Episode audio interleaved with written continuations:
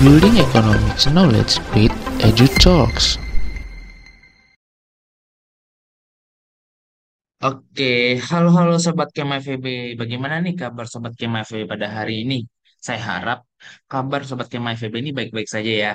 Nah, kembali lagi bersama saya Wisnu dari Departemen Pendidikan dan Keilmuan BEM FEB UPN VJ. Seperti biasa, saya akan menemani kalian dalam mengulik hal-hal menarik nih mengenai perekonomian yang terdapat di Indonesia saat ini ataupun membicarakan prestasi-prestasi yang dialami oleh Kema FEB ataupun pengalaman dari Kema FEB itu sendiri. Nah, sangat menarik bukan Kema FEB?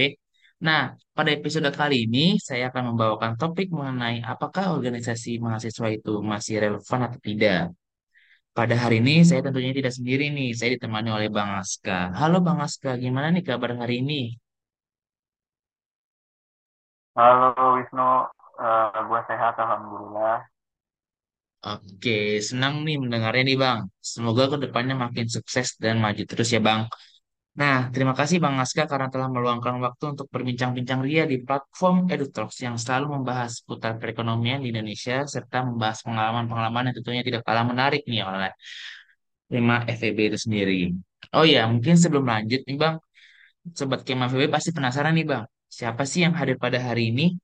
Boleh perkenalan dulu kali Bang, Eh, siapa namanya serta sekarang tuh jadi apa nih? Oke, thank you Wisnu. Halo teman-teman KMA FEB, kenalin nama gue Muhammad Aska Syafrizal, biasa dipanggil Aska. Gue dari jurusan Ekonomi Pembangunan Angkatan 2020 yang saat ini diamanahkan menjadi Wakil Ketua BEM FEB UPN Veteran Jakarta periode 2023. Salam kenal teman-teman semua. Salam kenal Bang. Nah, tanpa basa-basi, yuk kita mulai menuju topik hari ini. Nih Bang, mungkin eh, tidak dipungkiri juga nih Bang bahwa informasi di luar mengatakan bahwa mengikuti organisasi mahasiswa saat ini itu sudah tidak dianggap sudah tidak relevan karena dianggap sudah kemakan zaman serta alasan-alasan lainnya. Lalu Bang, eh, dari Abang sendiri nih, latar belakang apa sih Bang yang sampai Abang nih minat mengikuti organisasi kemahasiswaan khususnya BEM FEB, UPN VJ yang di mana sekarang nih sampai Wakil Ketua BEM FEB UPN VJ. Oke, thank you atas pertanyaannya Wisnu. Eh, jadi alasan gue ikut organisasi atau hal yang memotivasi gue lah ibaratnya untuk ikut organisasi itu eh, pertama dari fakta atau realitas yang gue lihat itu jumlah ketersediaan kerja sama jumlah lulusan kerja sorry jumlah ketersediaan kerja sama jumlah angkat lulusan di universitas itu nggak balance gitu. Ada mismatch lah. Lulusannya lebih banyak dibandingkan eh, tingkat ketersediaan kerjanya gitu. Yang mana berarti kita harus bersaing untuk mendapatkan posisi pekerjaan tersebut. Nah sebenarnya hal-hal yang menjadi daya- nilai jual kepada teman-teman lulusan mahasiswa itu adalah hal-hal yang ternyata nggak dipelajari di dalam kelas gitu. Let's say soft skill ketika kita berbicara tentang eh, anggaplah interpersonal skill atau mungkin critical, critical thinking atau problem solving itu kan hal-hal yang sebenarnya nggak dipelajari secara gamblang di kelas tapi bisa kita dapatkan dengan aktualisasi-aktualisasi di luar kelas salah satunya organisasi gitu. Nah berangkat dari hal tersebut akhirnya gue memutuskan untuk oke okay, kayaknya di masa gue menjadi mahasiswa ini gue tidak ingin jadi kupu-kupu dan mau aktif berorganisasi untuk memenuhi atau mendapatkan skill-skill tersebut gitu sih. Wow, ternyata begitu ya Bang, Eh, latar belakang dari Abang sendiri. Nah, teman-teman FEB, perjalanan dari Bang Aska untuk menjadi Wakil Ketua BEM FEB itu eh, tidak mudah ya. Untuk digapai, ada beberapa hal yang perlu eh, dilakukan, serta skill yang memadai untuk menjadi seorang nomor dua di BEM FEB UPN VJ ini. Lalu, menurut Bang Aska sendiri, apakah peran organisasi ma- kemahasiswaan saat ini masih sejalan dengan kompetensi yang dibutuhkan mahasiswa, Bang? Waduh, kalau lihat-lihat menjadi wakil ketua agak aneh sih sebenarnya. Gue sampai ke titik ini pun sesuatu yang ada di luar rencana gue gitu. Jadi ketika gue mau ikut organisasi, gue punya roadmap sendiri. Hal-hal apa aja yang pengen gue capai. Salah satunya adalah gue pengen mengembangkan skill menulis gue yang mungkin nggak begitu banyak uh, didapatkan di kelas. Karena kan tugas-tugas di kelas kan beragam ya nggak selamanya itu tentang penulisan akademik dan sebagainya nah gue carilah organisasi yang bisa mewadahi gue untuk belajar nulis dan praktik menulis yaitu uh, ada di BMFB UTN Veteran Jakarta salah satunya di Departemen Kajian Strategis Nah, di situ gue belajar banyak lah gimana caranya menulis artikel populer sampai ke artikel ilmiah tentang isu-isu sosial ekonomi dan politik. Nah, berangkat dari situ ternyata ya ketemu Evan dan sebagainya, akhirnya naik jadi wakil ketua. Jadi itu hal-hal yang di luar rencana lah. Cuma kalau misalnya uh, kita berbicara apakah organisasi mahasiswa tetap relevan dengan kebutuhan kompetensinya, ya akan tetap relevan gitu. Karena balik lagi yang gue sampaikan di awal kita itu butuh skill-skill yang sebenarnya jarang banget dipelajari di kelas. Kayak misalnya interpersonal skill, public speaking dan lain-lain gitu. Yang mana ada riset yang menunjukkan kalau ternyata skill-skill tersebutlah yang paling dibutuhkan di dunia kerja gitu. Jadi ya itu akan tetap relevan karena organisasi mahasiswa salah satu wadah yang bisa memfasilitasi kebutuhan mahasiswa untuk mendapatkan skill, skill tersebut. Oke, ini uh, topik yang sangat menarik banget ya Bang ya.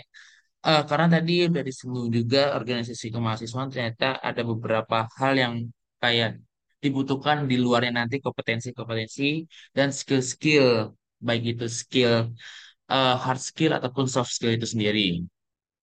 Nah, uh, selanjutnya nih Bang, uh, kan saya pernah dapat pendengaran lah dari teman-teman itu sendiri uh, yang di mana itu uh, organisasi kemahasiswaan ataupun kepanitiaan yang dibuat oleh organisasi kemahasiswaan itu sendiri terbilang cukup sepi, uh, sepi bang dalam menggait kepanitiaannya.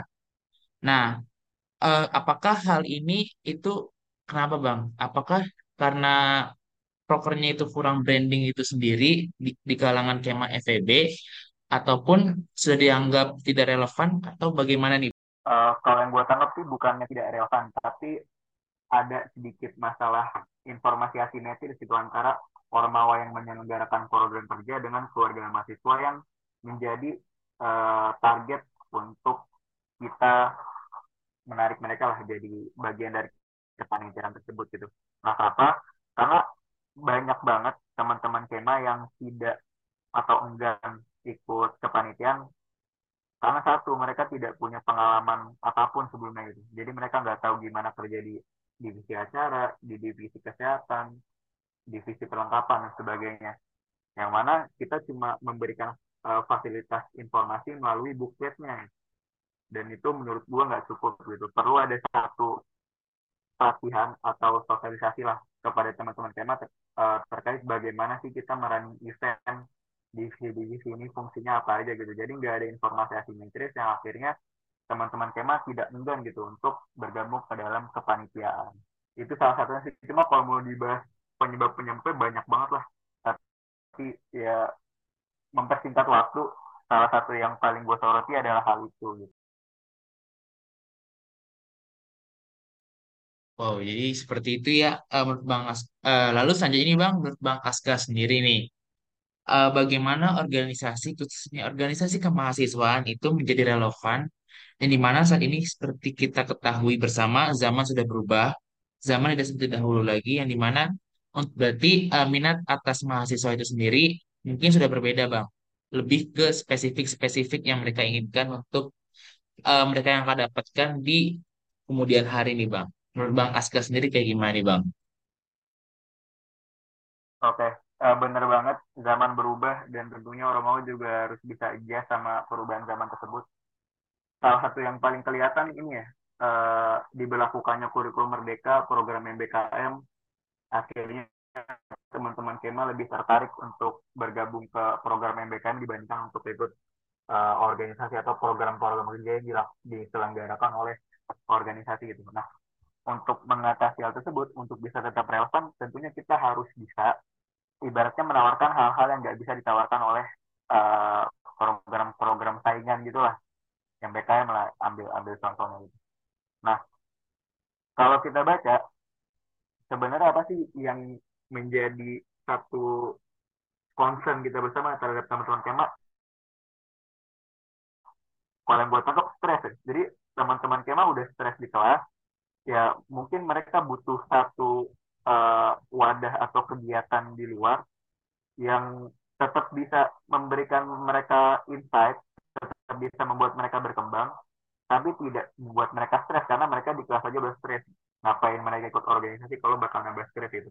Nah di MBKM itu uh, gua rasa belum belum belum difasilitasi karena ya namanya kita magang nggak tahu ikut kegiatan-kegiatan lain misalnya studi independen dan sebagainya itu kan kurikulumnya padat dan uh, teknis banget lah yang mana ya beban kerjanya juga tinggi dan ngebuat ngebuat mereka stres gitu nah di situlah celahnya untuk organisasi bisa masuk untuk tetap relevan kita ngebuat program kerja atau kita ngebuat lingkungan kerja atau secara uh, teknis kerja lah yang mungkin bisa lebih fun, bisa lebih diterima dan bisa uh, ibaratnya menjadi tem tempat untuk teman-teman kema lari lah dari kepusingan mereka.